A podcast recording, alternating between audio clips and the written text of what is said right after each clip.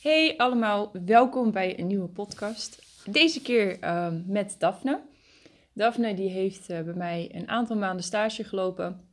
En eh, bij haar zijn er wat vragen opgekomen over grondwerk. Aan tafel zit ook bij mij Cassie. Cassie loopt ook stage bij mij. Cassie die eh, is voorlopig nog niet weg. het is vandaag Daphne haar laatste dag. En we hadden met elkaar afgesproken, ook als persoonlijk leerdoel voor Daphne, dat ze een podcast zou voorbereiden. En Daf, misschien kan je zelf uitleggen wat je als podcast hebt voorbereid.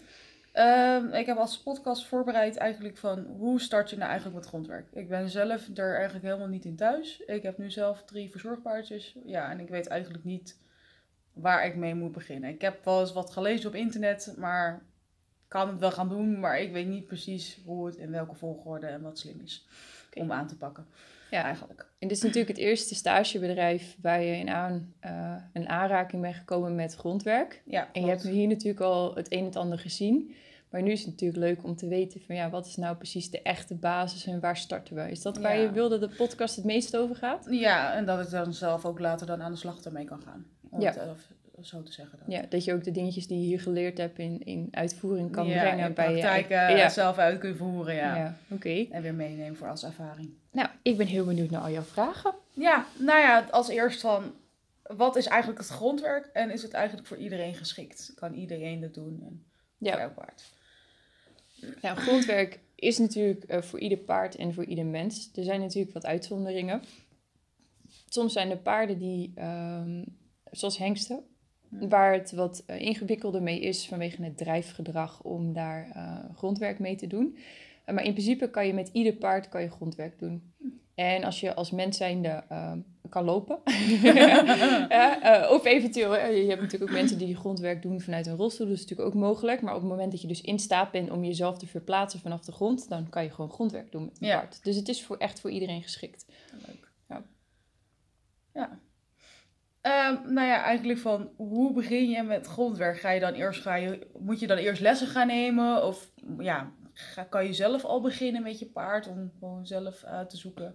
Ja. Ja. Nou, grondwerk start natuurlijk eigenlijk, of, of tenminste de training van je paard start op het eerste moment dat je met het paard in contact komt. Mhm. Dus heel vaak zetten we een paard in de bak neer en in de bak starten we met de training van een paard. Maar zoals jullie natuurlijk hier ook leren bij eh, stage, is dat eh, de training start wanneer we het paard uit de stal vandaan halen. We doen de staldeur open en op dat moment dat we een halstroom doen, eh, dan zijn we eigenlijk al aan het werk met het paard. Want je Oké. merkt ook, als er nieuwe paarden zijn die Ja. dat nog moet leren, eh, moeten leren, dat het soms ook wel eens ingewikkeld is eh, om met die paarden goed te kunnen communiceren. En dat is eigenlijk de start van het grondwerk. De wandeling van de stal richting de roundpen of richting de paddock. Eh, het moment van poetsen, het voorbereidingen voor de training. Dat is eigenlijk al een vorm van grondwerk. En heel veel Oh, mensen grappig. vergeten dat. ja, Ja. dat wist ik eigenlijk Ja. helemaal niet. Nee. Ja, daarom is het ook zo belangrijk dat dus eh, de stagiaires die hier lopen... die geen ervaring hebben met het leiden van de paarden... op de manier zoals ik dat wilde, die Ja. dus leading training krijgen. Zoals jij dat ook gedaan hebt. Ja, vond ik wel heel leuk om te zien, ja. Ja. En te doen. Ja, want leading training is eigenlijk eh, dat het paard begrijpt hoe die geleid wordt. Hmm. Eh, en grondwerk is eigenlijk een manier om een communicatie op te bouwen met je paard. Dus wij, wij spreken geen paard en paarden spreken geen mens of geen Nederlands Nee. in ons geval. Dus we moeten samen een communicatie opbouwen. Waarbij wij natuurlijk heel veel rekening kunnen houden eh, met, de, met de manier van communiceren van de paarden. En dat we de paarden eigenlijk ook laten wennen aan onze manier van communiceren en wat mensen precies betekenen. Dat is eigenlijk de eerste stap van het grondwerk. Heb je hem eigenlijk mijn volgende vraag eigenlijk al al beantwoord? Oh, nou ben ik nog wel benieuwd wat je volgende vraag was. Precies. Nou, wat is stap 1 met grondwerk? Waar ga je nou echt eerst mee aan de gang met je paard? Of zo te zeggen, wat, ja, Ja. waar start je nou echt als eerst, allereerst mee met je paard? Nou, soms zie ik dus mensen in het grondwerk en dan eh, heb ik het over het gymnastische grondwerk. Eh, Mhm. je, hebt, je hebt natuurlijk eh, een vorm van grondwerk waar je je voornamelijk focust op de communicatie. En dat kan je natuurlijk echt tot een enorm level brengen. Eh, dat een paard achteruit over, om tonnen heen kan, zoals wat Cassie ook doet met haar paarden. Eh, Maar ik start al vrij snel wanneer ik tevreden ben over de communicatietraining in het grondwerk. Start ik Mhm. al met het gymnastische deel, omdat daar meer mijn ambitie en mijn passie ligt. Eh, al ben ik ook wel, eh, ik had al met Cassie afgesproken dat we dat een keertje gaan experimenteren met de paarden. Dat we een keertje gaan spelen met de paarden. Ik Oh, vind het, leuk. Ja, ik vind het ook hartstikke leuk. Moet je ook gewoon bij zijn dan. Ja, ik wou net zeggen, moet je even Ja. zeggen. Ja. ehm, Nou, ik zei natuurlijk al eerder dat uh, we gaan de baan in. En op het moment dat je dus merkt dat de communicatie goed is, kan je starten met gymnastische werk. Waarin je dus echt gaat werken aan balanstraining. Um, wat ik vaak merk is dat mensen daar te snel mee beginnen. Hm. Uh, dus dat ze te snel aan het lijf van het paard willen werken, terwijl eigenlijk de communicatie nog niet voldoende is bevestigd. En daardoor werk ik heel vaak met leading training. En leading training is eigenlijk een vorm van stop-stap achterwaarts. Dat het paard weet hoe die geleid kan worden. Dat je naar links kan, dat je naar rechts kan. Dat je een paard ten alle tijde kan stoppen. Dat je hem een stapje achterwaarts kan vragen. Dat hij zijn hoofd kan laten zakken. Dat hij uh, op die manier op jouw lichaam kan reageren. Uh, zonder dat je daar extreem veel hand voor hoeft te gebruiken. Extreem veel zweep voor hoeft te gebruiken. En je teugels hoeft te trekken of dat soort dingen. Dat zie ik eigenlijk best wel heel vaak gebeuren. We gaan de rijbaan in. Dan uh, starten we meteen met ondertreden, schouders, hier, schouders, daar. Terwijl het paard eigenlijk nog niet zo heel goed weet uh, wat er gebeurt. Okay. Dus ik maak echt een scheiding tussen communicatietraining en tussen het gymnastische deel. Dus eigenlijk is de eerste stap voor, de grond, voor het grondwerk uh, is echt communicatietraining.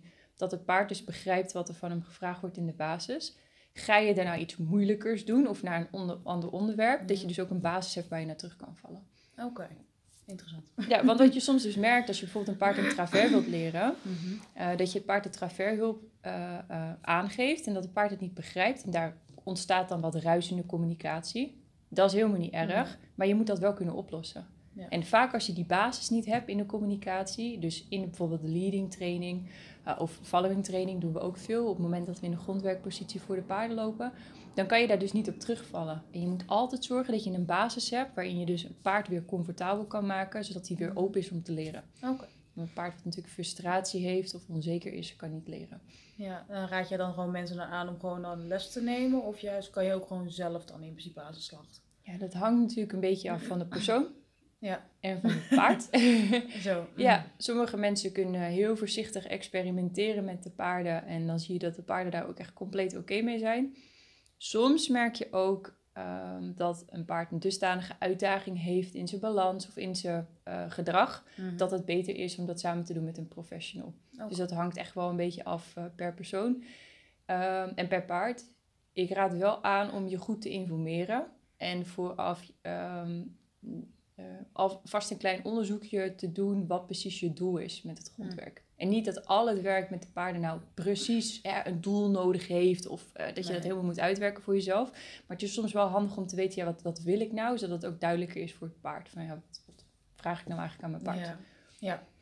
oké. Okay.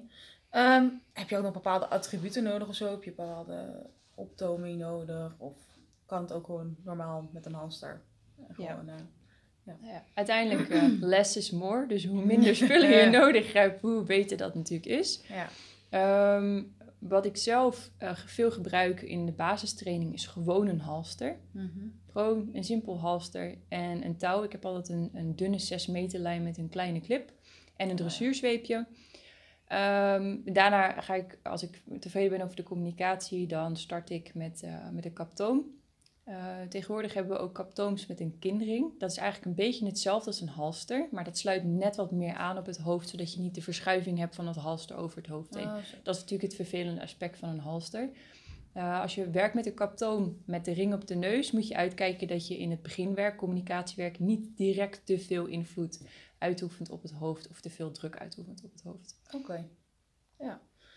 Nou ja, dat waren eigenlijk mijn vragen hierover. Oké. Okay. En het, uh, ja, eigenlijk wel wat duidelijker geworden. Oké. Okay. Uh, ja, veel nieuwe dingen gehoord. Wat is nu het eerste wat jij zelf gaat doen als jij uh, met je paarden aan de slag gaat?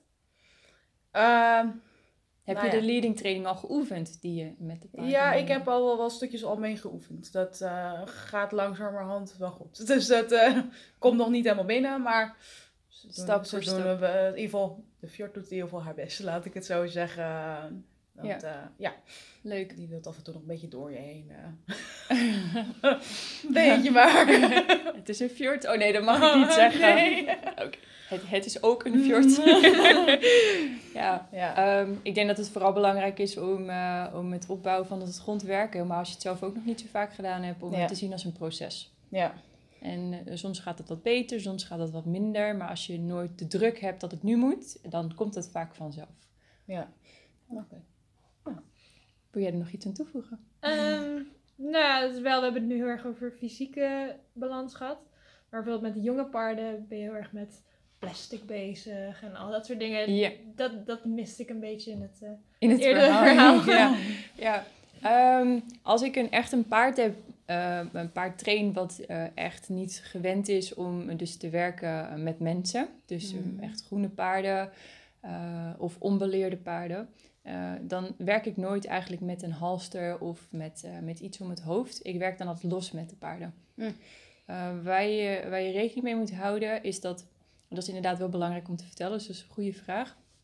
Ehm, paarden die worden vaak gewoon een halster om gedaan. En dan trekken mensen aan het touw. En dan uiteindelijk leert het paard dat als er een kant op getrokken wordt, dat ze daar naartoe moeten volgen. Ja. Nou, dat gaat 90% van de tijd gaat dat best wel goed.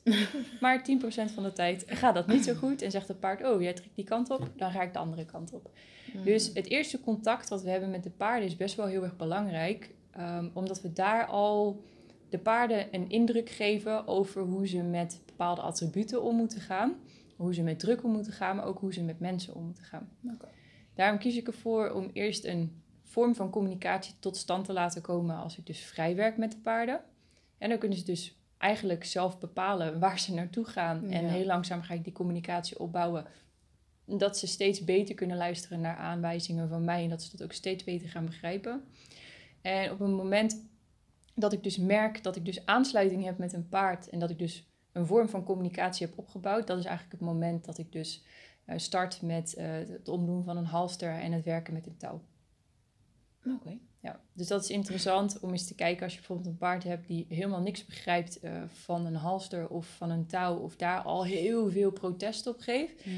Werk eens los met zo'n paard en kijk eens of je een communicatie tot stand kan laten komen zonder te trekken. Want heel veel mensen trekken aan hun paard om iets gedaan te krijgen. Ja. Nou, dan hebben we natuurlijk nog eh, de opmerking van Cassie over plastic. Ehm, Schriktraining. ja, over schriktraining inderdaad.